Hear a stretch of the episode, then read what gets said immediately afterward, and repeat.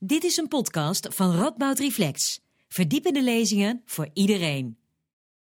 Dames en heren, van harte welkom bij deze dertiende Holocaust Memorial getuigenis. Die in samenwerking is tussen Radboud Reflex en 4-5 mei Comité Nijmegen. Mijn naam is Han van Krieken, ik ben rector magnificus van de Radboud Universiteit en mag deze bijzondere avond kort voor u inleiden. Het is een groot genoegen dat we vanavond kunnen gaan luisteren naar dokter-ingenieur Ronald Waterman, die zijn getuigenis over zijn tijd als jong kind in de Tweede Wereldoorlog met ons zal delen. Hij groeide op in een Joods gezin, weliswaar niet religieus, maar wel met een duidelijke uh, culturele uh, Joodse achtergrond. Een vader die goed Duits sprak, hoogleraar was, een moeder docent Engels. Misschien dat dat Duits spreken heeft geholpen dat het een tijd lang in de oorlog relatief goed ging, maar toch in 44, 1944 werd het gezin afgevoerd naar Westerbork en later naar Theresienstadt. U zult daar straks van horen, maar met name de terreinen uit Auschwitz hebben daar grote indruk op Ronald Waterman gemaakt. Hij heeft die tijd heftig beleefd, maar is daarna, ook na de Tweede Wereldoorlog, zijn naam echt eer aan gaan doen. En sommigen van u zullen misschien zijn naam niet kennen, maar vrijwel iedereen de resultaten van zijn denken en zijn werk kennen. Hij is degene die de strijd tegen het water, waar Nederland zo lang beroemd om was, is, omgezet in strijd samen met de natuur om het water te kunnen beheersen. De zandmotor, die u misschien kent, uh, aan onze kust is een mooi voorbeeld, maar ook de Ooipolder. En hij vertelde mij zojuist dat dat samenwerken met natuur nog een stap verder gaat en sprak de, over aquapunctuur. Daar gaan we het vanavond niet uitgebreid over hebben, maar degene die daar uh, interesse in hebben, kan ik u verwijzen naar een prachtige documentaire die ik uh, afgelopen weekend uh, via YouTube heb gezien. En die een week geleden ongeveer door de EO is uitgezonden. Waarin daar over zijn fantastische werk nog veel wordt verteld. Daarna, uh, hij zal vervolgens ook na zijn getuigenis in gesprek gaan met Ria van der Brand. En u kunt daar dan ook aan deelnemen. Maar dan helaas, want het is niet anders. Deze bijeenkomst is niet fysiek, maar vooral digitaal. Maar via menti.com en de code die u dan in beeld krijgt, kunt u uw vraag stellen. En inderdaad, jammer dat we hier maar weinig mensen in de zaal hebben. Maar het aantal mensen dat nu aan het kijken en luisteren is, heb ik begrepen, is groter dan hier ooit gepast had. Dus wat we aan boodschap willen brengen, komt nog breder over. Alvorens we de getuigenis kunnen horen, is er een korte inleiding door historicus Joost Roosendaal van onze Radboud Universiteit die zich nadrukkelijk met de Tweede Wereldoorlog, maar ook het denken over die Tweede Wereldoorlog na de Tweede, Tweede Wereldoorlog in zijn werk bezighoudt. En daar zal hij over vertellen. En ook zullen we gaan luisteren naar drie liederen van Schubert, gezongen door Nathan Tax, ook een alumnus van onze Radboud Universiteit. Maar daar heeft hij niet leren zingen, hij heeft daar leren filosoferen. Um, en hij wordt begeleid door Max Toxopeus. Ze zullen drie liederen van Schubert zingen, of hij zal dat zingen begeleid.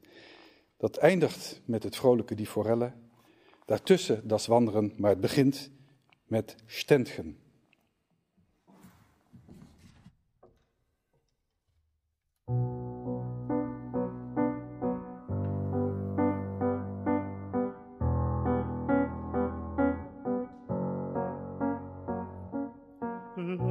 Leise flehen meine Lieder durch die Nacht zu dir.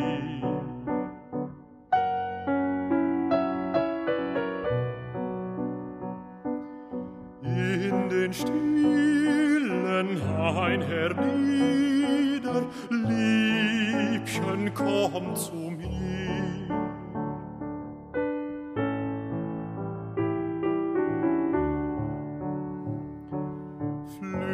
Flüstern schlanke Wipfel rauschen in des Mondes Licht,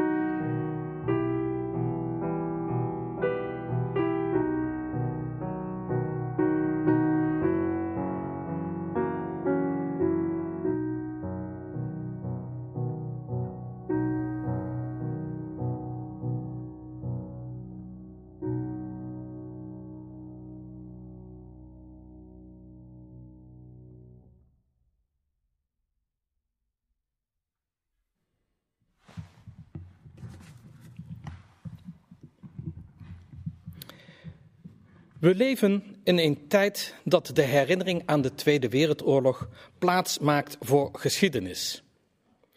Dit is een uitspraak die ik de laatste 10, 15 jaar steeds vaker hoor bij nationale en internationale conferenties. From memory to history.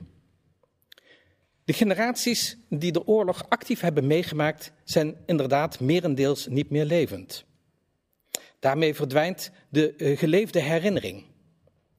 De meeste grootouders van veel van mijn eerstejaarsstudenten zijn geboren na 1945. De herinnering wordt geschiedenis. Ik heb moeite met die uitspraak. Alsof de oorlog voltooid verleden tijd wordt. Zeker, het is een gegeven dat de mensen die het meemaakten er straks niet meer zijn. Maar hebben hun ervaringen en getuigenissen dan geen betekenis meer voor ons? Het is natuurlijk niet zo dat de Tweede Wereldoorlog uit onze samenleving verdwijnt. Tweede en derde generaties zijn getekend door zwijgende, lijdende of getraumatiseerde ouders. Zij leven nog iedere dag met de oorlog. Anderen zijn opgegroeid met indrukwekkende en niet voorstelbare verhalen over hun familie, stad of dorp, getroffen door vervolging, honger en geweld. In 1969 vond de Nijmeegse burgemeester De Graaf dat het boek van de oorlog 25 jaar na de bevrijding wel gesloten kon worden. De nieuwe generatie moet, moest niet belast worden met het verleden. In ons politiek-maatschappelijk vocabulaire is hij echter sindsdien meer aanwezig dan ooit tevoren. In de jaren tachtig maakten krakers ME'ers uit voor fascist. Maar ook in recente Kamerdebatten en demonstraties tegen coronamaatregelen worden helaas vaak ongepaste vergelijkingen met de jaren 40-45 gemaakt. Deze jaren houden ons nog altijd bezig. Anne Frank stond recent weer op alle voorpagina's. Films en boeken over de, tweede, over de oorlog blijven en blijken kaskrakers. Het verhaal van de Tweede Wereldoorlog is geworden tot een moreel referentiepunt. De catechismus van onze seculiere samenleving, van ons geloof in mensenrechten, democratie, rechtsstaat en vrijheid.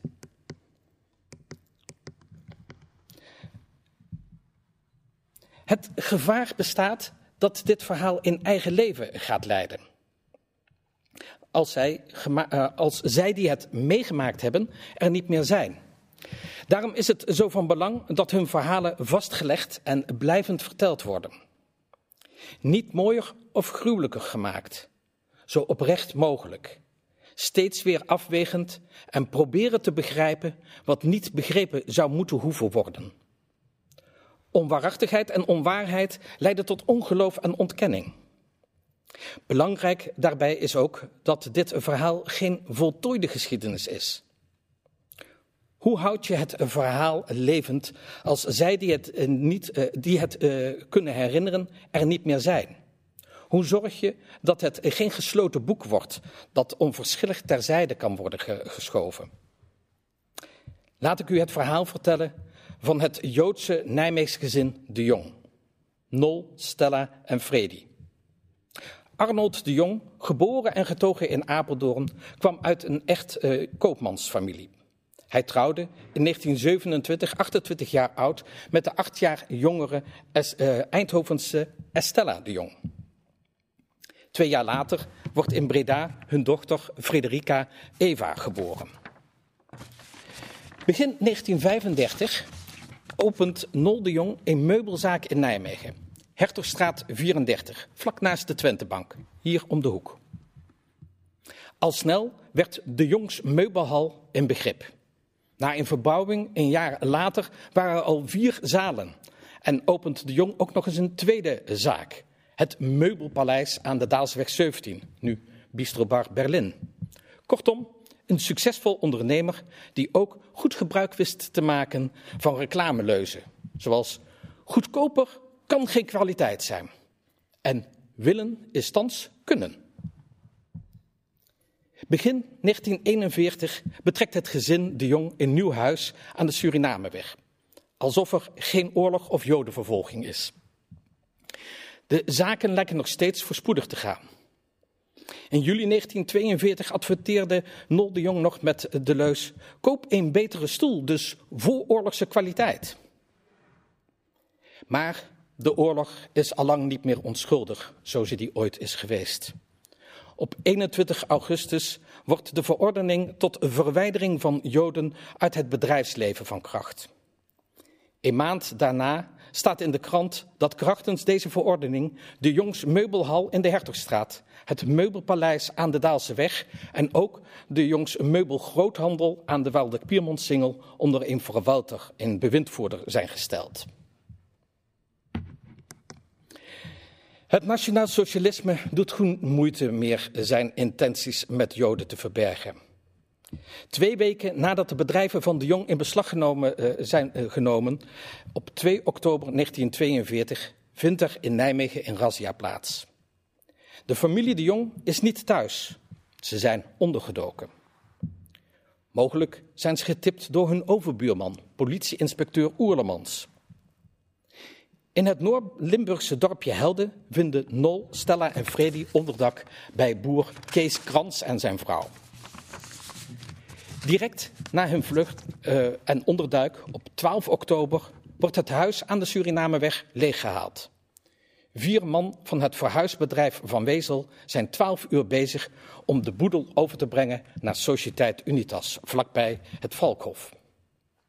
SS-politiecommissaris Van Dijk laat op 22 oktober een opsporingsbevel uitvaardigen. De familie de Jong heeft zonder vergunning haar woonplaats verlaten. Vanaf het voorjaar van 1943 duiken duizenden jongens onder om te ontkomen aan de arbeidseinsatz. Kees Krans richt uh, met vijf uh, kippenhokken in het, uh, in het Heldense bovenbos het onderduikdorp Vrij Nederland op. Een vijftigtal jongens vindt, daar onderdak. Verraden door een NSB'er vallen de Duitsers op 18 juli 1943 binnen. De bewoners van het kamp konden op tijd vluchten. Boer Krans en zijn vrouw en hun zoon worden wel opgepakt. Maar ook de familie de Jong, die een eigen onderduikplek heeft nabij de boerderij. Op 28 augustus 1943 arriveert het gezin in kamp Westerbork. Ze worden ondergebracht in barak 67. In de kartotheek van de Joodse Raad wordt dit allemaal bijgehouden. Lang verblijven ze er niet. Reeds drie dagen later vertrekt de trein, transport 74, richting Auschwitz. Stella, 36, en Freddy, 14, gaan direct naar de gaskamers. Nol de Jong is 44, is nog fit genoeg om te werken. Een half jaar lang. Op 29 februari 1944 sterft ook hij in de gaskamer. Twee dagen later, kort na zijn bevrijding, overlijdt ook boer Kees Krans als gevolg van uitputting tijdens zijn gevangenschap. Het huis aan de Surinameweg uh, is voordelig gekocht door Hilarius uh, de kringleider van de NSDAP in Nijmegen. Na de oorlog verklaren allerlei vrienden dat zij spullen van de jong in bewaring hadden gekregen en dat ze die mochten houden als hij niet terug zou komen. Het vermogen van de jong wordt op meer dan 230.000 gulden geschat. Een aanzienlijk bedrag in die tijd. De geschiedenis van de familie de Jong is een van de vele duizenden familieverhalen die getuigen van de Holocaust. Een neef en een vriendin van Freddy verklaarden in 1995 over hun leven bij Yad Vashem. Dankzij hen hebben we foto's van vader en dochter. Maar er zijn ook nog meer getuigen van, het bestaan, van hun bestaan. Het zijn de plaatsen van herinnering. Vrijwel overal in, uh, in Nederland is de oorlog nabij. Maar uh, het worden pas plaatsen van herinnering als ze geladen worden met betekenis. Als er een verhaal verteld wordt. Prinsengracht 263 eh, klinkt als een willekeurig adres in de Amsterdamse binnenstad. Toch bezoeken vele miljoenen mensen dat pand. Zij willen het achterhuis bezoeken, de plek waar Anne Frank haar dagboek schreef. Het is een soort bedevaartplaats geworden en zou in het rijtje uh, Jeruzalem, Rome, Mekka, uh, uh, Bodiga Raya en Lourdes kunnen, kunnen geplaatst worden. Recent is in Apeldoorn het geboortehuis, de geboorteplaats van Nol de Jong, een herinneringscentrum geopend, het Apeldoornse Bos. In de nacht van 20 op 21 januari 1943 pakten de nazi's daar zo'n 1300 Joodse patiënten en hun verzorgers op. Een bezoek aan deze plek maakt nederig en stil. Het stemt tot beschouwen, inkeer en reflectie. Hoe gaan wij om met antisemitisme? Hoe gaan wij om met mensen met een geestelijke beperking? Hoe verdraagzaam en open staan wij tegenover zij die anders zijn? Het huis van de familie de Jong is het huis van mijn buren. Sinds ik het verhaal van Nol, Stella en Freddy ken, kijk ik anders naar dat huis. De woning heeft een lading gekregen en vertelt nu haar verhaal. Een deel van de in beslag genomen meubels is via Unitas terechtgekomen in het Bergmanianum, destijds door de Duitsers gevorderd. Later, in september 1944, maakten de Amerikaanse bevrijders er een uh, noodhospitaal.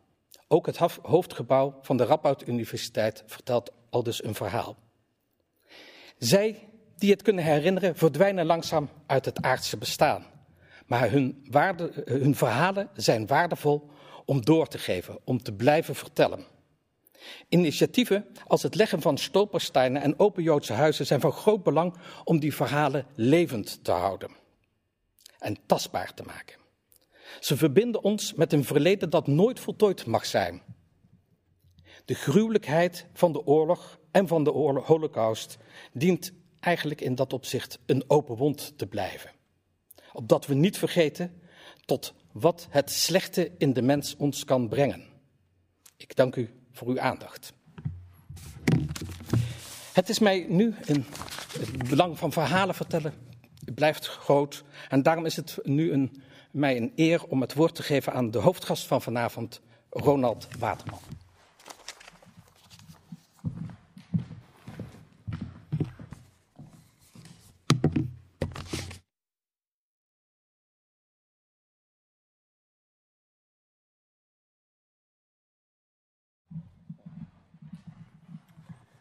Het is een voorrecht om in uw midden van gedachten te wisselen over een kort betoog van mijn hand en woord.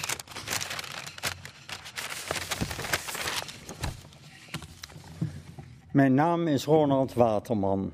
Mijn naam valt samen met mijn leven als waterbouwer. Mijn naam is verbonden met een plan om de Hollandse kustlijn op een nieuwe manier te verdedigen tegen het water. Niet langer dammen en dijken als bolwerken tegen de zee, maar duinen en stranden in harmonie met de zee. En dat noemen wij bouwen met de natuur. Landaanbinding is mijn levenswerk, niet met basalt en beton, maar met zand en slip en de kracht en interacties die erop inwerken, zoals de getijden, de golven, de zwaartekracht, wind, rivieruitstromingen, regen, zon, planten, struiken, bomen en marine organismen. Toen ik jong was, lag mijn carrière nog in het duister. Ik was vijf toen de oorlog uitbrak. Op 5 maart 1943 werd ons gezin, mijn ouders en vier kinderen, opgehaald door twee Nederlandse politieagenten. We droegen allemaal een jodenster en een rugzak met wat eetgerei. Buurtgenoten staarden ons na. Vanuit het politiebureau werden we overgedragen aan de Groene Polizei. Ik herinner mij nog hoe ik opgetild werd door een SS'er en in de overvalwagen werd geplaatst. Ik zag het doodshoofd op zijn pet. Het lukte mijn vader om ons uit de gereedstaande trein op Den Haag Staatspoor te krijgen. In het holst van de nacht werden we weer naar huis gebracht, maar dat was slechts uitstel van executie. Op 31 maart werd ons gezin alsnog naar Barneveld getransporteerd. Tot 29 september 1943 waren wij geïnterneerd in kasteel de Schaffelaar in Barneveld samen met onder andere kunstenaars, wetenschappers en industriëlen. Mijn ouders waren zeer bezorgd over de toekomst en vooral om hun kinderen. Zij waren alles kwijtgeraakt, al hun spaargeld was geroofd door de roofbank Liepman en Rosenthal, hun huis en bezittingen in beslag genomen. Maar als kind had ik een goede tijd in Barneveld. Voor het eerst was ik namelijk omringd door kinderen die ook een ster droegen. Ik was uit mijn isolement in het isolement. Ik was geen buitenbeentje meer. En ik ontmoette de bioloog Dr. Emanuel Speyer. Hij benoemde mij tot een van zijn assistenten om insecten te vangen in het bijbehorende bos. De kevers, wespen, muggen en vlinders werden het kamp uitgesmokkeld. Onze collectie van 23.000 insecten bestaat nog steeds en bevindt zich in Museum Naturalis in Leiden. En ons werk is ook vastgelegd in de publicatie Entomologie in de natiekampen. Bij Speyer ligt de oorsprong van mijn wetenschappelijke loopbaan. Bij hem begon mijn liefde voor de natuur in het eerste kamp. Op 28 september 1943 zei moeder Ronald: Ik denk dat ik morgen voor je verjaardag een ei naar binnen kan smokkelen. We waren tenslotte in Barneveld. Ik verheugde mij erop. Maar de volgende dag werden we omsingeld door de SS en op transport gezet naar Westerbork. Zo goed als het was, voor mij althans in Barneveld, zo kwaad was Westerbork voor een kind. Ik zag hoe bij aankomst mijn ouders werden afgesnauwd en gevisiteerd. Ik zag hoe elke dinsdag de veewagons leeg aankwamen en vol weer naar het oosten vertrokken. Ons transport was op 4 september 1944. Na twee dagen en twee nachten in een veewagon met ongeveer 70 mensen en 1 ton voor de behoeften kwamen we op 6 september in Theresienstadt aan. Daar moesten mijn ouders, broers, zusje en ik dwangarbeid verrichten. Ik was inmiddels tien.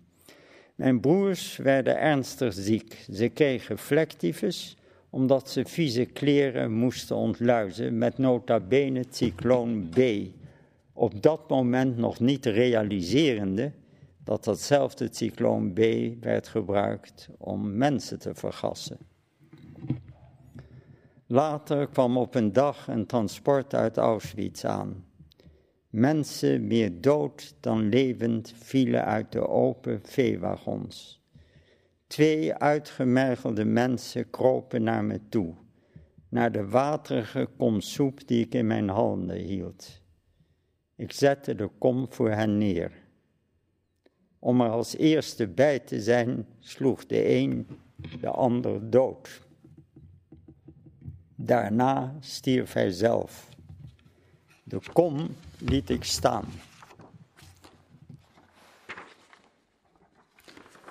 Toen het Rode Leger naderde, wilden de nazi's hun sporen uitwissen. Wij werden als kinderen op een rij gezet en moesten dozen naar elkaar overgooien richting een zijrivier van de Elbe, de Orge of de Eger. In die dozen zat de as van 34.000 doden uit de Rezienstad, die alle op die manier door mijn handen zijn gegaan. En die as moesten we in het water kieperen. Op iedere doos stond een naam en nummer. Ik herinner me een jongen die zei: Ik heb hier mijn grootmoeder in een doos. De geleegde dozen werden verbrand. Ik zag ook snippers van de brandende archieven door de lucht vliegen. Toen ik er een opraapte, werd ik door een SS'er beschoten. De kogel ketste in het zand. Het half verbrande document liet ik vallen en rende zigzaggend weg. Van ons transport overleefde 804 van de 2081 gevangenen onder wie ons gezin. Van de 19.000 kinderen die naar Theresienstad werden gestuurd, overleefde slechts een laag percentage. Onder wie mijn broers, zusje en ik. Vaak werd ons gevraagd: hoe kun je verder leven na zulke ervaringen? Zelf putte ik enorme kracht uit onze bevrijding van het kwaad. Die energie investeerde ik in mijn studie en loopbaan maar de schaduw van de oorlog was lang. Als jong volwassene kreeg ik een zware depressie. Mijn oudste broer stierf uiteindelijk aan de gevolgen van TBC die hij opliep in het kamp en mijn oom is vergast. Over mijn oorlogservaringen heb ik vaak niet gesproken. Ik ben in de eerste plaats wetenschapper en wilde niet dat dit verhaal de boventoon zou voeren maar mijn zionistisch-humanistische wortels ben ik altijd trouw gebleven. Wortels die ook mijn werk hebben gevoed. Want de levensloop van mensen lijkt op de kringloop van water. In de natuur, in de kosmos, is iets bijzonders aan de hand. Met Spinoza spreek ik van het altijd zijnde. Dat zit ook in de Hebreeuwse godsnaam JHWH. Hij die was, hij die is hij die zal zijn, de eeuwige, of in dit geval ook het eeuwige. Maar elke schaduw is uiteindelijk kind van het licht. En diegene die oorlog en vrede, tegenspoed en voorspoed ervaren, slechts die heeft waarlijk geleefd. Ik bekijk graag oude zeekaarten om oude kustlijnen te herontdekken en te herstellen. Zo wil ik ook dat u naar de geschiedenis van de Holocaust kijkt, om te zien hoe kostbaar onze vreedzame samenleving is. Hoe bijzonder het is om in dit geval in zo'n inclusieve, historische, kleurrijke stad als Nijmegen te leven, te studeren en te werken. Richten wij ons op de toekomst, dan geldt dat goede plannen voor die toekomst wortelen in het verleden. Natuurlijk komen in ieder leven tegenslagen voor, maar bedenk daarbij, geen spoorlijn komt tot stand zonder dwarsliggers. Dank u voor de aandacht. Ik heb gezegd.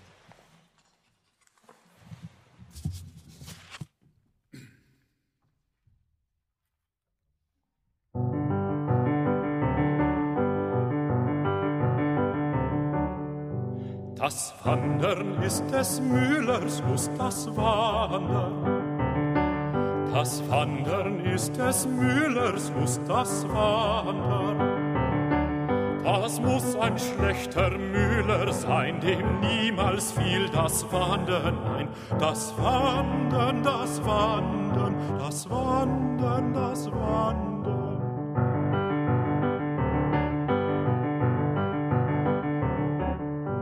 Vom Wasser haben wir's gelernt, vom Wasser. Vom Wasser haben wir's gelernt, vom Wasser.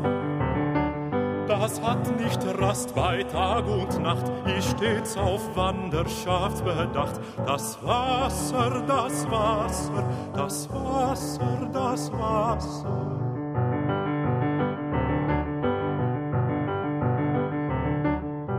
Das sehen wir auch den Rädern ab, den Rädern. Das sehen wir auch den Rädern ab, den Rädern. Die gar nicht gerne stille stehen, die sich mein Tag nicht müde drehen. Die Räder, die Räder, die Räder.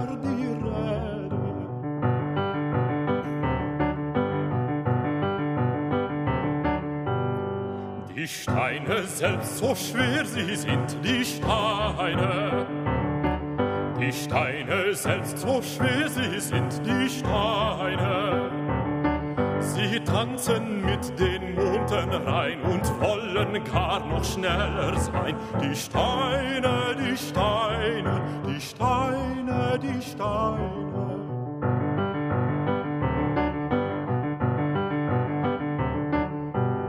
O wandern, wandern, meine Lust, o wandern.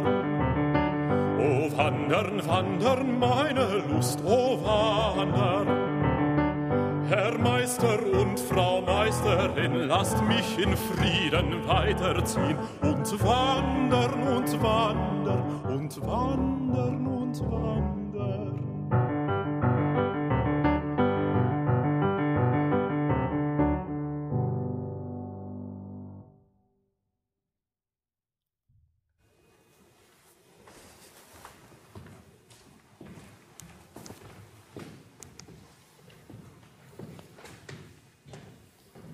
Ronald. Dat was mooi, hè? Het was indrukwekkend. Ja. Het deed mij herinneren op een geweldige manier aan Gerald Moore, nu Toxopeus, en Dietrich Fischer-Dieskau, nu Nathan Tax. Ja. Het heeft me ontroerd. ja.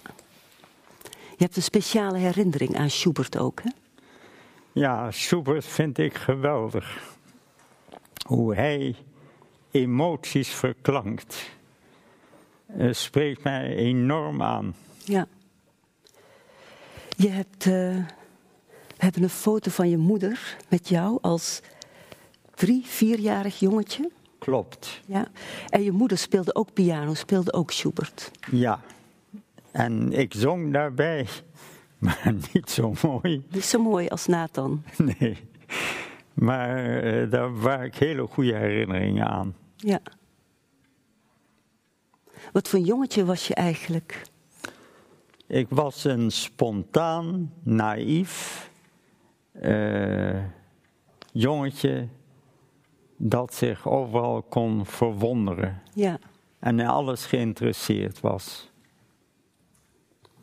En uh, als we naar het plaatje kijken van het gezin waar je grootgebracht bent? Uh, dat was een heel hecht gezin. Ik had een hele wijze, geleerde vader die tegelijkertijd midden in het leven stond, mm -hmm. die heel veel studenten had, heel veel research heeft gedaan. Uiteindelijk 606 wetenschappelijke publicaties, 14 boeken, 60 octrooien. Uitgesproken beta. Mm -hmm. Mijn moeder was uitgesproken alfa. Ja. Die hield van kunst, van muziek, van literatuur. En ik was de jongste. Ik had twee broers, waarvan de ene helaas ten gevolge van de oorlog niet oud is geworden, maar briljant was en dokter-ingenieur in chemische technologie. En mijn andere broer, die nog leeft, die ouder is dan ik, en die is arts-specialist.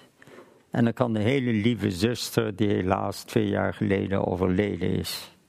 En ik was de jongste. Ja, ja. En nou heb je in de oorlog heel veel meegemaakt. Je hebt net al ons verteld in een notendop wat het allemaal was. En wij hebben met elkaar afgesproken dat we even kort naar Barneveld gaan, daarna naar Westerbork, maar vooral naar Tregentstad. Dus als we een kaart maken, dat zijn Delft, zie je helemaal links liggen. Ja, mijn geboortestad en ja. waar ik nog steeds woon. Ja. En de eerste stop die je maakt, 31 maart, vertrekken jullie met het gezin naar Barneveld. Ja. En in Barneveld maak je iets bijzonders mee en er hoort dit plaatje bij. Ja, wat zo bijzonder was, is dat als kind werd ik uit mijn isolement getild, want ik was van school gehaald. Er stonden overal bordjes voor Joden verboden, parken, trams, uh, zwembaden. Dus je raakt helemaal geïsoleerd. En toen kwam ik in Barneveld, daar waren ook jongetjes van mijn leeftijd. Ook met een Jodenster. Dus ik werd uit het isolement getild. En hoewel ik daar ook ziek werd, dubbele oorontsteking, roodvonk, had ik daar als kind, let wel als kind, een gelukkige tijd. En er waren hele interessante mensen. En een van die mensen was dokter Emanuel Speyer. Een bioloog, gespecialiseerd in insecten, dus een entomoloog. En hij benoemde mij als zijn assistent. Hij had een paar kinderen daarvoor uitgezocht, kinderen waarin hij, waarvan hij dacht, die zijn nieuwsgierig, die hebben een wetenschappelijke instelling. En wij verzamelden insecten en die werden uit het kamp gesmokkeld en die kwamen terecht. En die unieke verzameling bestaat nog steeds van 23.000 insecten en die bevindt zich in Naturalis. En dat is een hele interessante publicatie en die heet Entomologie in de natiekampen, geschreven door Speyer kort na de oorlog. En zijn slotzin luidt... Onze mooie entomologie heeft in dit speciale geval weer eens te meer bewezen dat zij mede inhoud aan ons leven geven kan, zelfs in de moeilijkste omstandigheden, mits wij haar met overgave en liefde beoefenen en dat zij dan ook haar praktische zijde voor onze medemensen zeker niet ontbeert. Bovendien heeft zij voor mij persoonlijk de grote verdienste gehad mij te behoeden voor datgene wat het hoogste doel van onze natievijanden was, hun tegenstanders door de mens onwaardigste behandelingen geestelijk te breken. Ja. En om die reden was Barneveld voor mij heel belangrijk. Ja. En ik sta in die publicatie als toen negenjarig jongetje vermeld als assistent. Ja, En je zegt ook wel eens, je hebt daar eigenlijk de liefde voor de natuur. Is daar- begonnen. Ja, Paradoxaal in een kamp. ja. Is de liefde voor natuur, heeft daar Ja. zijn start gehad. Heel anders was natuurlijk jouw ervaring in Westerbork. Daar ging je 29 september 1943 ging je daar naartoe. Maar we willen daar toch, we gaan er even over spreken. En aan de hand van deze afbeelding.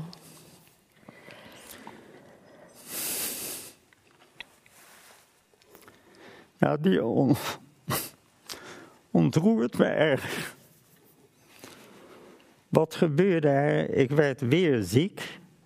Weer dubbele oorontsteking, longontsteking, geelzucht. En ik lag daar in de ziekenbarak. En er was een dokter Wolf.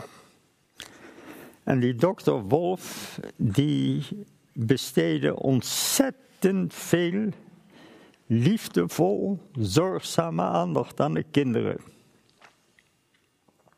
Hij heeft in feite mijn leven gered, want ik had al 41 graden 3 koorts.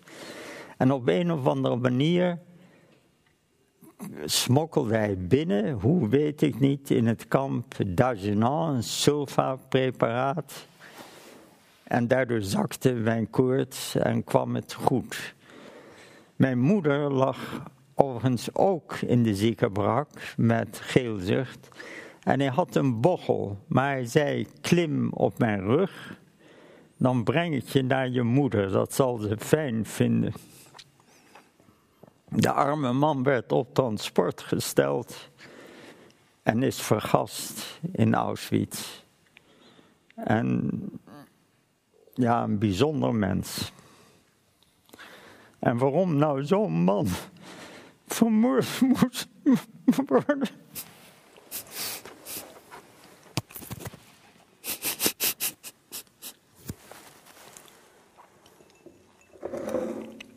Excuses.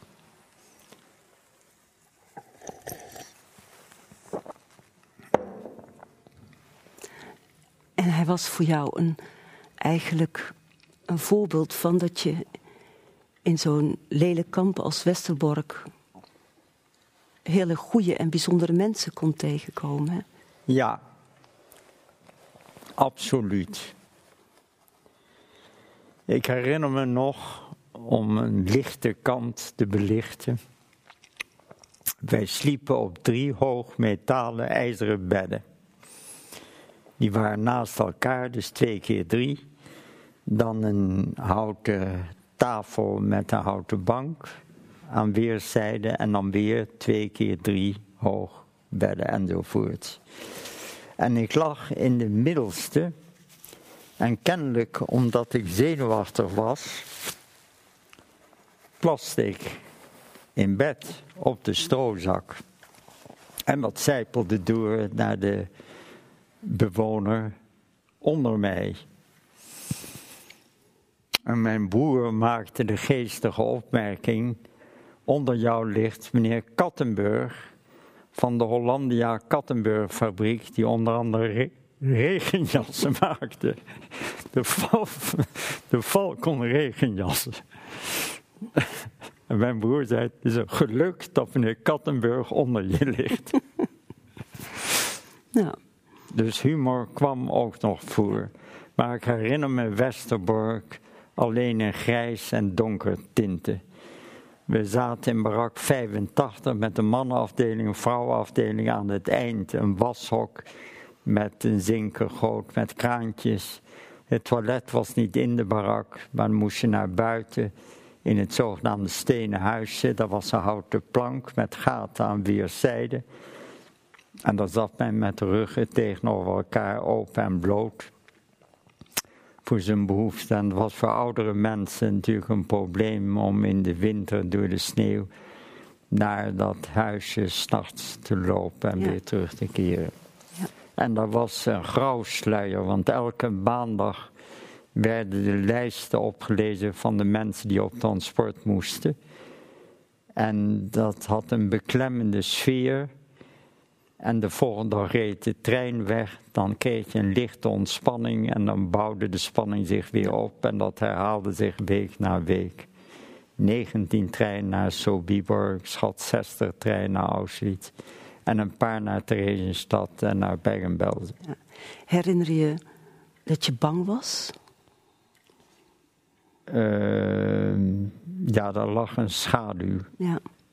Alles was grijs en grauw. Ja. Maar op een goede dag of een slechte dag komt het bericht dat jullie naar Theresienstad gaan. Ja.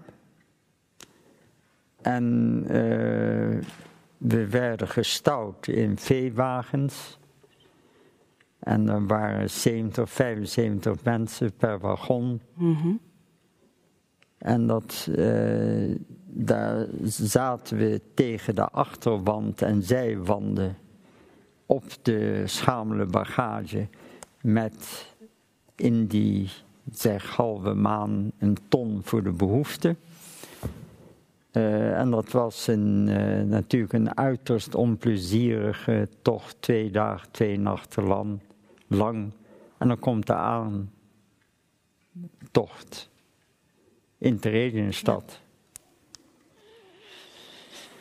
En in Theresienstad, nou daar, daar herken ik. Mm Daar kwamen we laat s'avonds aan. En met geschreeuw werden de wagons ontgrendeld. En met slaan en geschreeuw werden we uit de wagons gejaagd. En door een poortje gingen we binnen in een vrij korte gang. En toen keek ik naar boven en zag ik de mooiste hemel die ik ooit had gezien, ooit heb gezien, bezaaid met sterren. En ik dacht, hoe kan dat nou? Want ik ga een gebouw binnen. Maar het gebouw was een kazerne met twee binnenplaatsen en we arriveerden dus op een binnenplaats. Vandaar gingen we naar de galerijen toe, liepen we de trappen op naar boven in de richting van de zolder. En dan was het stikdonker en dan moest je plaatsje vinden op de grond. Maar ik moest hoognodig een plas doen en die verdeelde ik tussen de mensen om niemand te zwaar daarmee te belasten. Maar ik had moeite om een plek terug te vinden. Mhm. En toen moesten we allemaal werken. En uh, ook daar uh, waren weer transporten naar het oosten naar Auschwitz en andere kampen. En van de zolder verhuisden wij naar een vertrek waar ook de bekende Walter Zuuskind, de redder van vele kinderen in de Hollandse Schouwburg. En mijn vader en Zuuskind, die gingen op de Wanse jacht, want daar hadden we houten tweehoogbedden en in de kieren leefden wansen en die kwamen s'nachts tevoorschijn en zogen bloed bij de mensen. En een wans kan meer bloed bevatten dan een flow. Dus dat uh, kreeg je jeuk en vervelendigheid.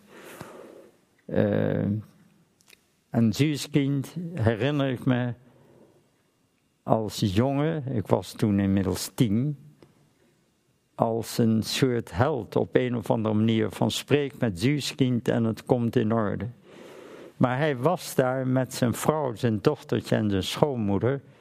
Maar toen moest hij ook op transport. En toen kwam hij s'avonds terug en toen fluisterde hij tegen mijn vader: Het is me gelukt om te ontsnappen met mijn hele gezin. En dat heeft zich nog een keer herhaald. Is hij weer ontsnapt, maar de derde keer vergeefs. En hij heeft uh, ook dochtertje, vrouw, een schoonmoeder en hij zelf zijn vergast in Auschwitz. Maar aan hem heb je ook, hij heeft ook indruk op jou gemaakt. Heeft ook een diepe indruk op mij gemaakt. Terwijl ik toen helemaal niet wist wat hij allemaal gepresteerd had. Ja. Maar als mens maakt hij uh, een bijzondere indruk. Ja. Iets heldhaftigs, moeders, mm -hmm. uh, energie, goede uitstraling. Ja. En wat deed je voor een werk in Theresienstadt? Mijn moeder die zat bij de Glimmerspaltung, dus het splitsen van mica. Mijn vader zat in het laboratorium.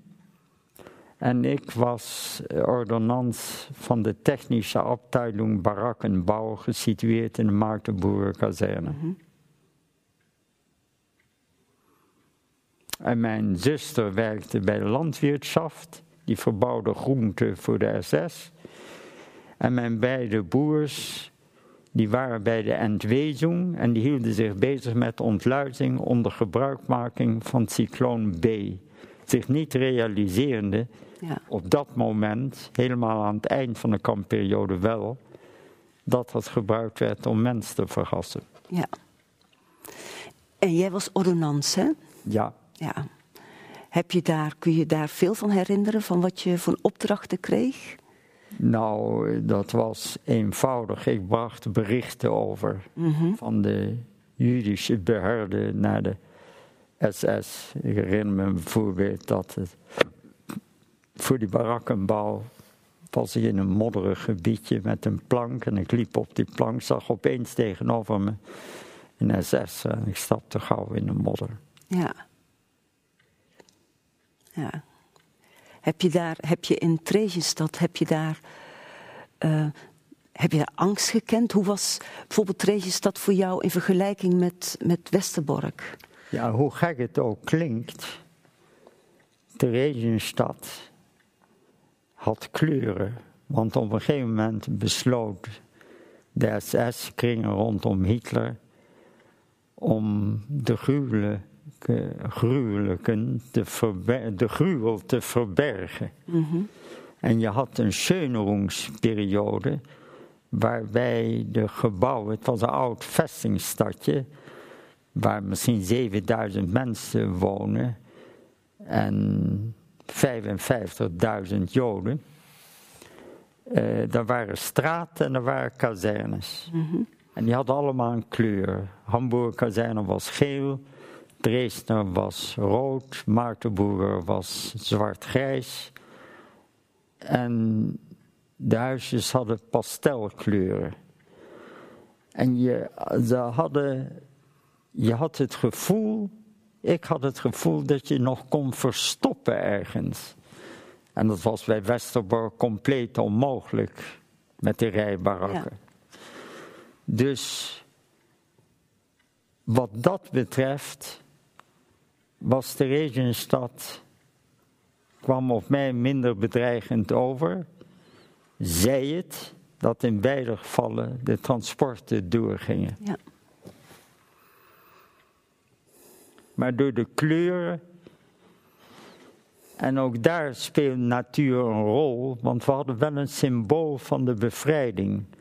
Namelijk dicht bij de daken van die kazerne nestelden, uh, nestelden zich zwaluwen. En die zwaluwen die konden vrij uitvliegen en weer mm. terugkomen. Dus die hadden een gevoel van vrijheid. Ja. Ja. Maar in Theresienstad werd je best wel veel ook met de dood geconfronteerd. Uh, ja, daar waren. De ouderen hadden het heel zwaar. En het voedsel was natuurlijk spaarzaam. Al mm. probeerden voor de kinderen meer te doen mm-hmm. dan voor de ouderen. Dus als je in de rij stond om je in een, met een aardewerken top om je graupensoepen te halen, dat was een grijze soep. En als je geluk had met uh, onderin, dan bedelden daar ook nog oudere mensen. Ja. Ja.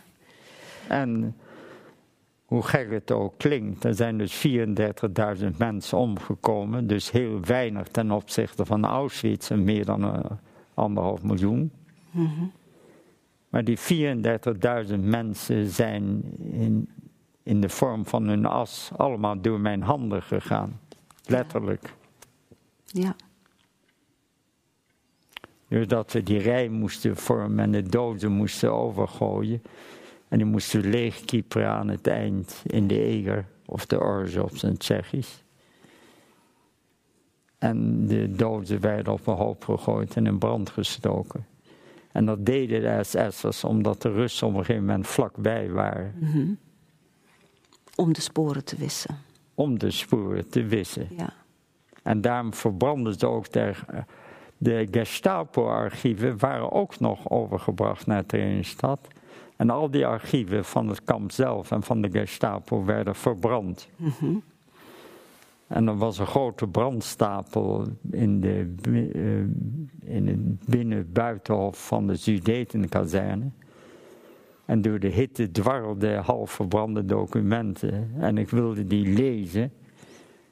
En die dwarrelden over de omheining heen. En die plukte ik van de grond. En op dat moment hoorde ik een schot en sloeg een kogel tussen mijn benen in. En ik keek naar boven, zag een SS'er op de Sudetenkazerne staan, die zijn geweer op mij richtte. En toen heb ik het document laten vallen, ben zigzaggend weggelopen. En de grote schok was aan het eind. Toen kwamen de restanten van andere kampen, omdat Theresienstadt is heel laat bevrijd. Noorden van Nederland is ook heel laat bevrijd. Mhm. Wij werden bevrijd op 8 mei door het Rode Leger. Maar daar heerst een enorme vlektyfus-epidemie. Omdat mijn, omdat mijn beide broers in de Entwezung zaten, kregen die ook vlektyfus. En toen werd geïmproviseerd, de geleegde archiefkasten werden op hun kant gelegd en die fungeerden als bedden. Mhm. En ook Speyer kreeg vlektyfus en mijn beide broers en anderen. En dan stierven toen nog honderd mensen per dag, ook nog na de bevrijding. Ja. We mochten ook het kamp niet uit, omdat we een gevaar waren voor de omgeving. We hebben dus nog een, meer dan een maand vertoefd onder Russisch regime. Ja. En pas daarna zijn we met een trein overgebracht naar Dobshany, dicht bij Pilsen, in de weinig bekende, die ook niet lang heeft bestaan, Amerikaanse zone, mhm. in het westelijke puntje van Tsjechië, ja. toen nog Tsjechoslowakije. Ja.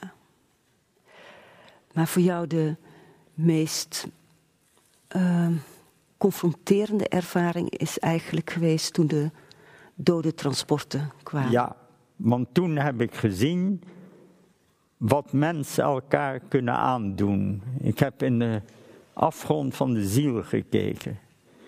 Waarbij mensen door dat SS-regime totaal verdierlijkten. Levende geraamtes. Ja. En dat heeft een onuitwisbare indruk op me achtergelaten. Ja. Wat mensen elkaar kunnen aandoen. En waarom. Ja. Zonder één rationele reden. Dus je hebt eigenlijk als jonge jongen uh, hele grote dieptepunten meegemaakt, maar in, in de kampen ook een aantal. Dat valt mij op als wij met elkaar praten, hè, dat, uh, dat je ook heel erg graag wil benadrukken dat er ook um, goede mensen zijn. Of dat je ook heel veel geleerd hebt. Hè? Want je hebt daar ook als een heel leergierig jongetje door die kampen gelopen. Ja, mijn wetenschappelijke loopbaan komt door mijn vader en mijn ouders en door Speyer. Ja. Speyer overleefde het.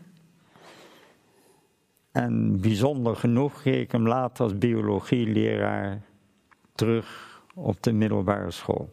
Ja, ja. Maar uh, kun je nog zou je nog eens iets kunnen vertellen over de bevrijding in Theresienstadt? Hoe dat, uh, op een gegeven moment komt het Rode Leger binnen. Hoe was dat voor jou?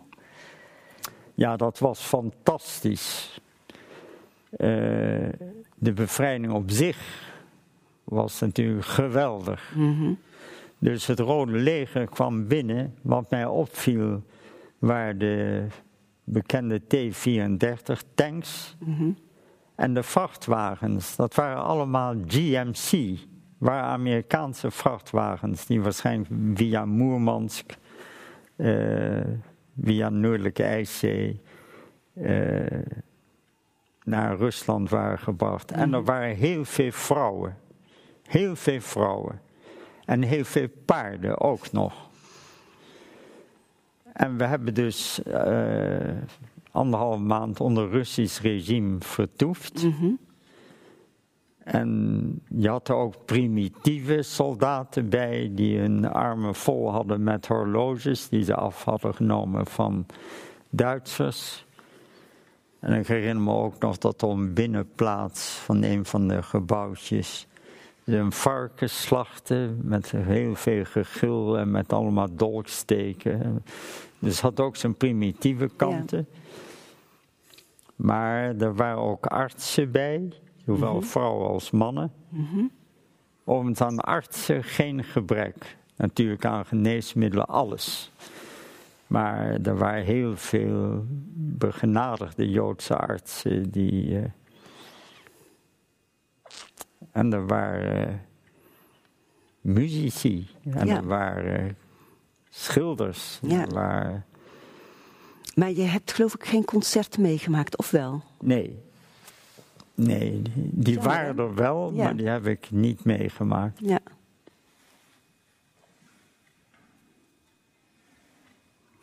En um, hoe was voor jou dan de confrontatie met, met, met die Russen? Dus uh, ze bevrijden Theresienstad, ja. maar tegelijkertijd waren ze heel anders. Ze waren heel anders. Maar ja, ik ben er toch bijzonder dankbaar. Mm -hmm. Dus ik heb ook het standbeeld bezocht van Maarschalk Zhukov op het Rode Plein. Mm -hmm. Dat was de opperbevelhebber. En het zuidelijke leger was onder Maarschalk Konjev, later minister van Defensie. Uh, maar de Amerikanen waren ook geweldig. Die ontmoette ik in Dobzhany dichtbij Pilsen. Ja, ja, dus je, dit is even de terugweg. De, ja, het is een beetje een schematisch kaartje zoals je ziet. Maar de blauwe stippen zijn Pilsen, Metz en Eindhoven. Ja. Dat is de terugweg. Dat is de terugweg. Uh, het was interessant in Dobzhany.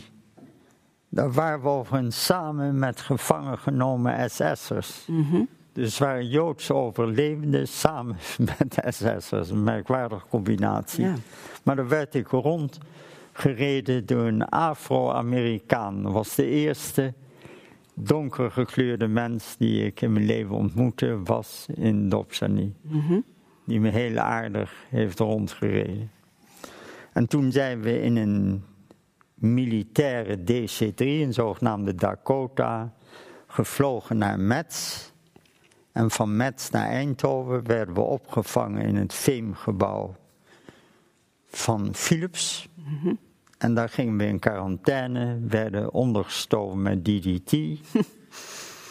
en toen zijn we opgehaald door professor Heertjes en dokter Jan Tomé. En naar Delft gereden. Ja. En toen konden we niet in ons huis, want daar woonden andere mensen. Ja, want de oorlog was wel voorbij, maar. Ja, daar waren dus naweeën. Ja.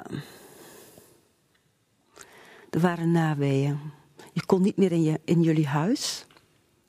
Nee, dus we zijn ondergebracht bij verschillende mensen. Mm Ikzelf bij een dominee, mijn zuster bij de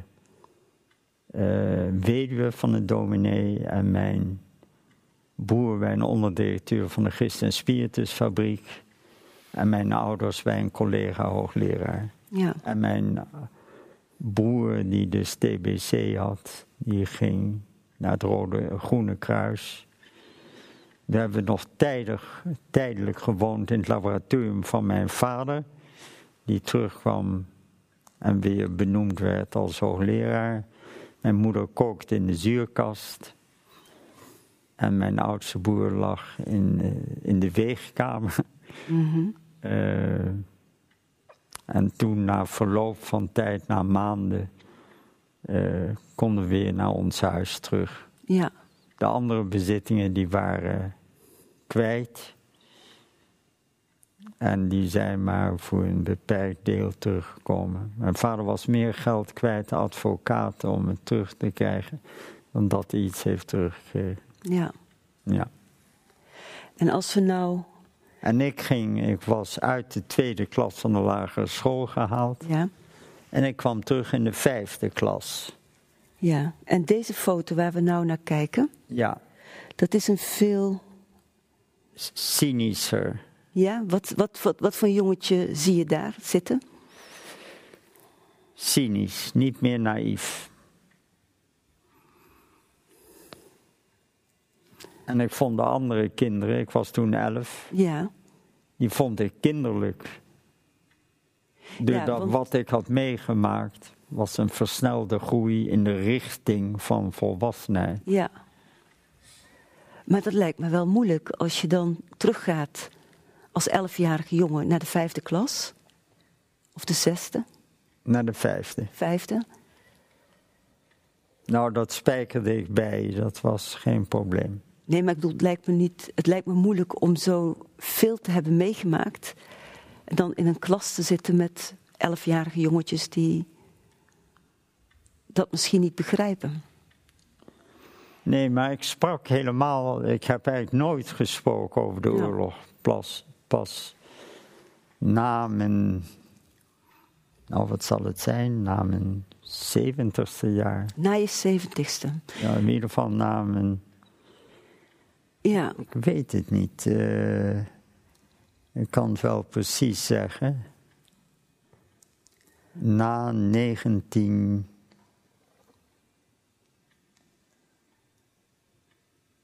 na 2000 15. Maar sprak je dan ook nooit met je thuis, met je ouders ook niet, met je broers en zusje? Nooit meer over eh, de jaren in het kamp? Nee. En waarom sprak je er dan veel later wel over? Omdat me op een gegeven moment werd gevraagd voor een interview. En kijk, u moet weten, of jij moet weten, Ja.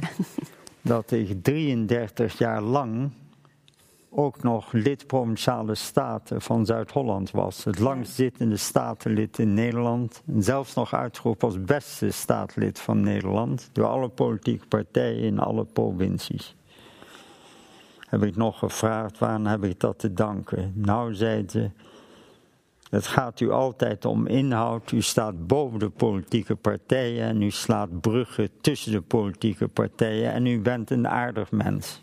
Kijk. Nou, daar kon ik het mee Ja. doen en dat was ook heel aardig. Maar tijdens die periode heb ik nooit over mijn Joodse achtergrond gesproken. Bewust niet. Omdat ik dacht, als ik dat doe, dan kijken ze anders naar me. En ik ben een Nederlander te midden van andere Nederlanders. Ja, Dus ik wilde geen stempel op hebben. ja, Maar toen ik eh, afscheid nam van de Staten in 2011 en ik benaderd werd door een journalist in 2015, toen dacht ik, nou, nou kan het geen kwaad meer. Dus dan kan ik voor het eerst over mijn achtergrond spreken. ja. Ja. En als je nou een. ehm, maar er zit ook voor jou ook een zeker engagement in wanneer Ja. je spreekt, hè? Je bent niet zomaar gaan spreken. Nee, Je wil ook dat mensen ervan leren. absoluut. En als je je levensles zou samenvatten, je hebt net natuurlijk al heel mooi gesproken, maar als je je levenslessen zou samenvatten, hoe zou je dat dan doen? Dat herinneren is zeer belangrijk. Ik zeg ook altijd: goede plannen wortelen in het verleden en wijzen naar de toekomst. Ehm, en dat komt ook terug in mijn werk. Ik bestudeer natuurlijk landaanwinningsprojecten, maar ook kusterosieprojecten. Dus ik bestudeer de geschiedenis van de kust. Dus ik kijk naar oude zee- en landkaarten. En daar leer ik lessen uit.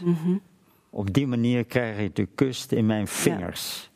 En daaruit volgen de beste ontwerpen. Ja, Dus eh, wij moeten de kennis uit het verleden en de verworvenheden uit het leven benutten om de toekomst tegemoet te treden. ja.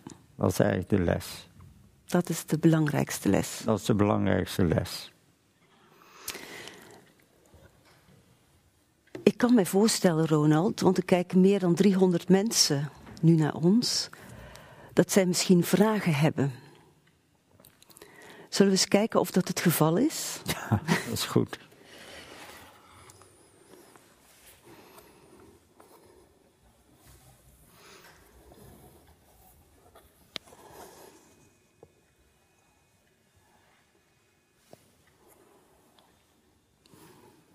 Ik zie nog geen vragen. Dat kan betekenen dat het duidelijk was. Ja.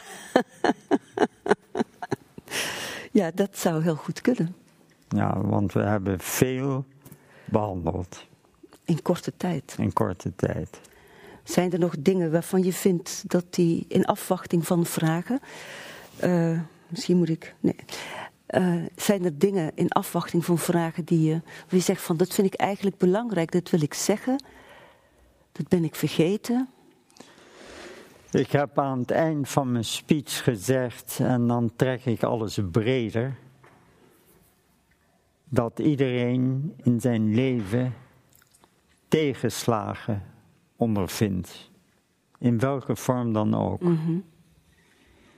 En dat je die tegenslagen eh, moet ombuigen in voordelen.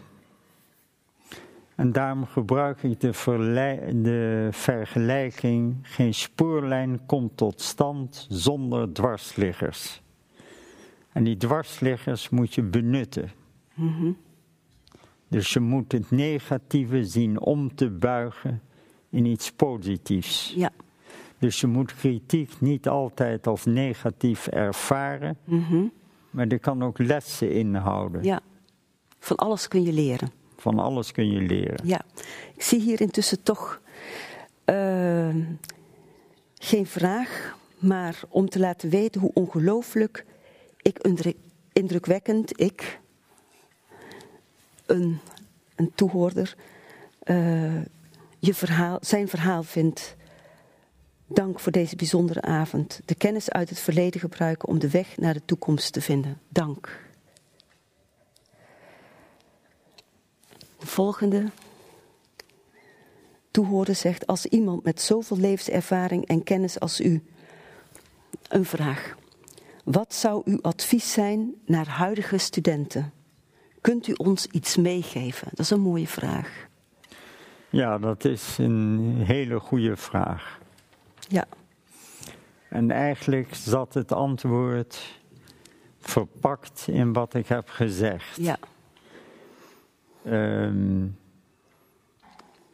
je moet kennis hebben van het verleden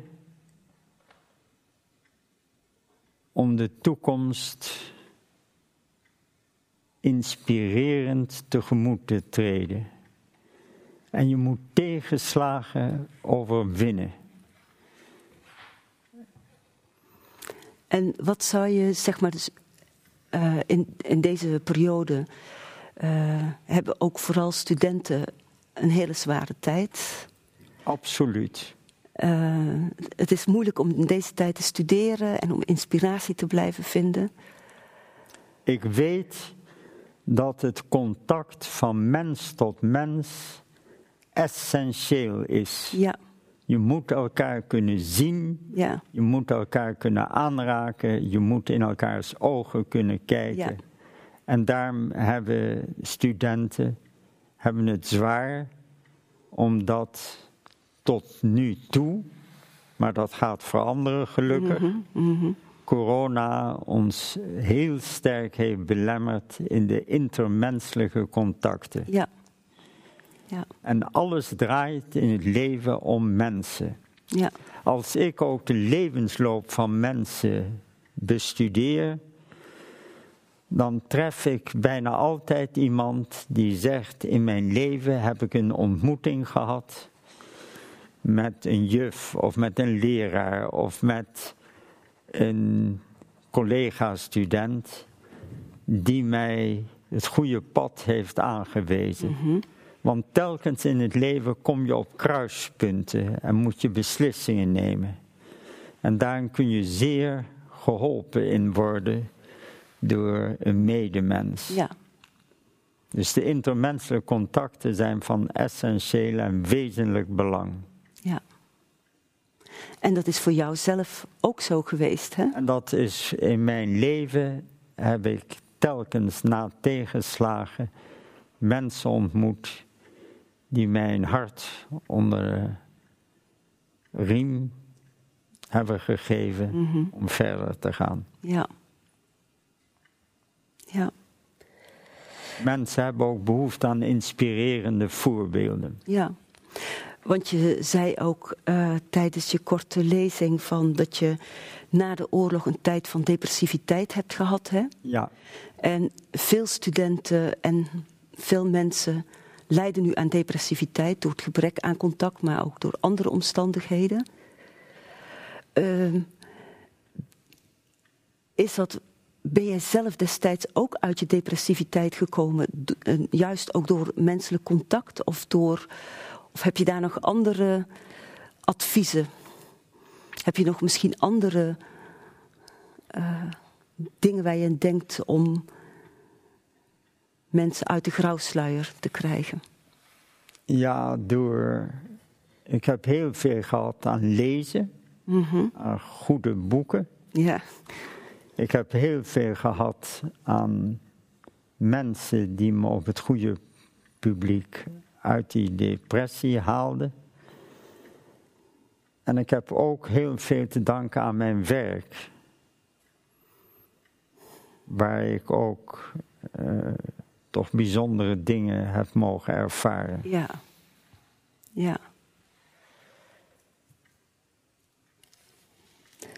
Dus je wenst eigenlijk iedereen toe dat ze werk hebben, dat er iets is wat. Absoluut. En dat is nu toch een beetje ingewikkeld natuurlijk. En dat is moeilijk. Ja. Ja. En die periode heb ik ook zelf gehad. Dat ik geen werk had. En het is toch goed gekomen. En het is toch goed gekomen. Ja.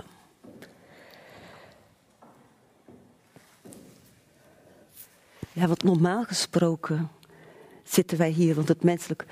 Kijk, ik voel nou wel dat er heel veel mensen naar ons kijken. Ja, Maar eh, normaal gesproken hebben we een zaal om ons heen. ja dat is. En dan, dan gebeurt er ook van alles wat nu ook niet gebeurt. hè? Nee, dat is heel jammer. Ja, We verlangen ernaar dat die zalen weer vol zitten. ja. Ja, Juist om dat intermenselijke contact. ja.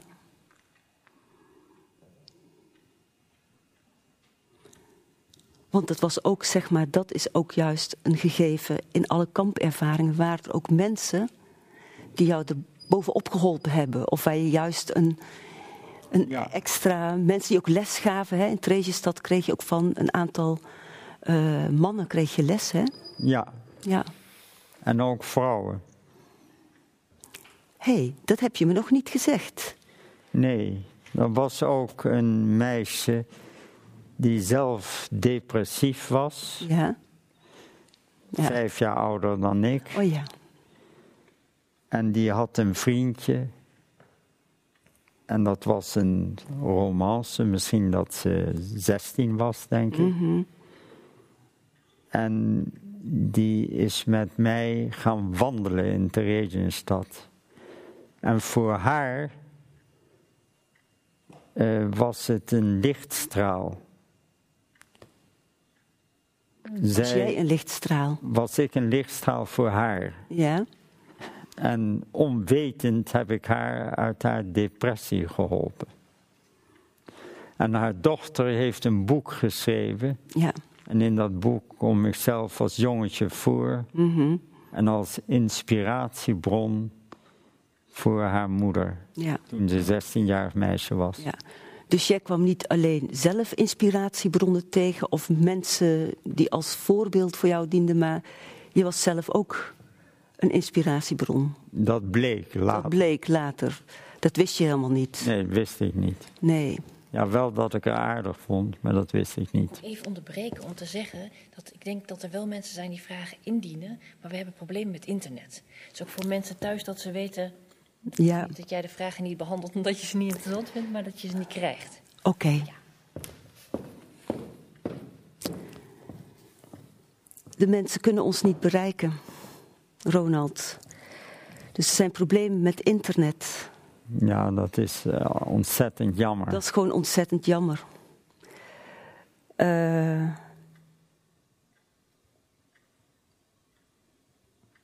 ja. Maar ik hoop wel dat ze ons horen. Misschien kunnen ze dan hun vraag niet stellen. Maar ik hoop wel dat ze ons horen Ja, en zien. ja, zeker.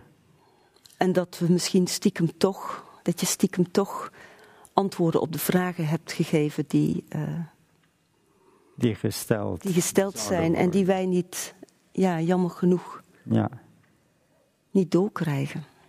nee. Ja. Zullen ermee moeten leren leven, hè? Ja. Ja. Nou, we hopen dat corona steeds milder wordt. Ja. Ja. Zullen we dan hier gewoon ophouden?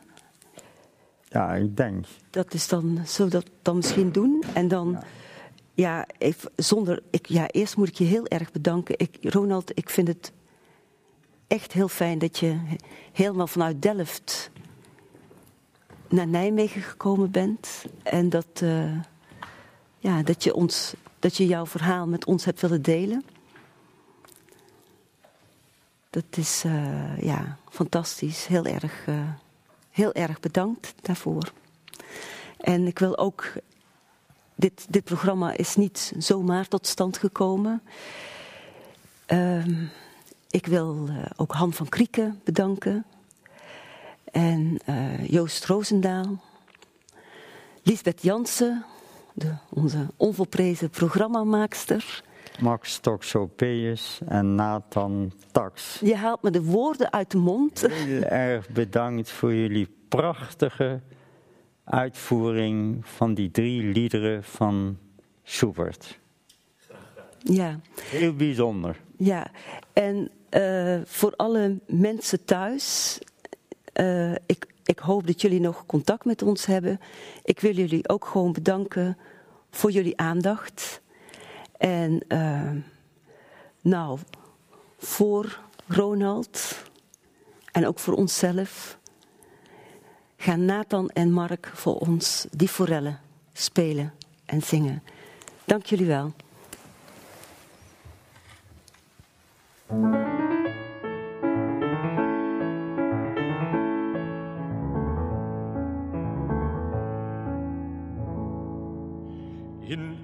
Einem Bächlein helle, da schoss in froher ein die launische Forelle vorüber wie ein Pfeil. Ich stand an dem Gestade und sah in süßer Ruh des muntern Fischleins Bade im klaren Bächlein zu des muntern Fischleins Bade im klaren Bächlein zu.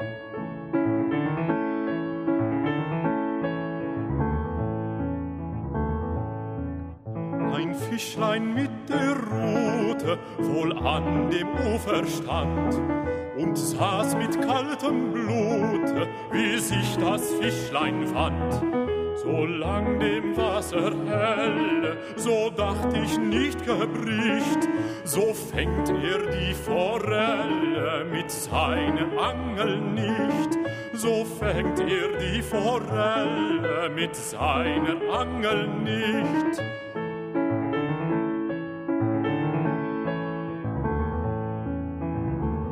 Doch endlich war dem Diebe die Zeit zu lang.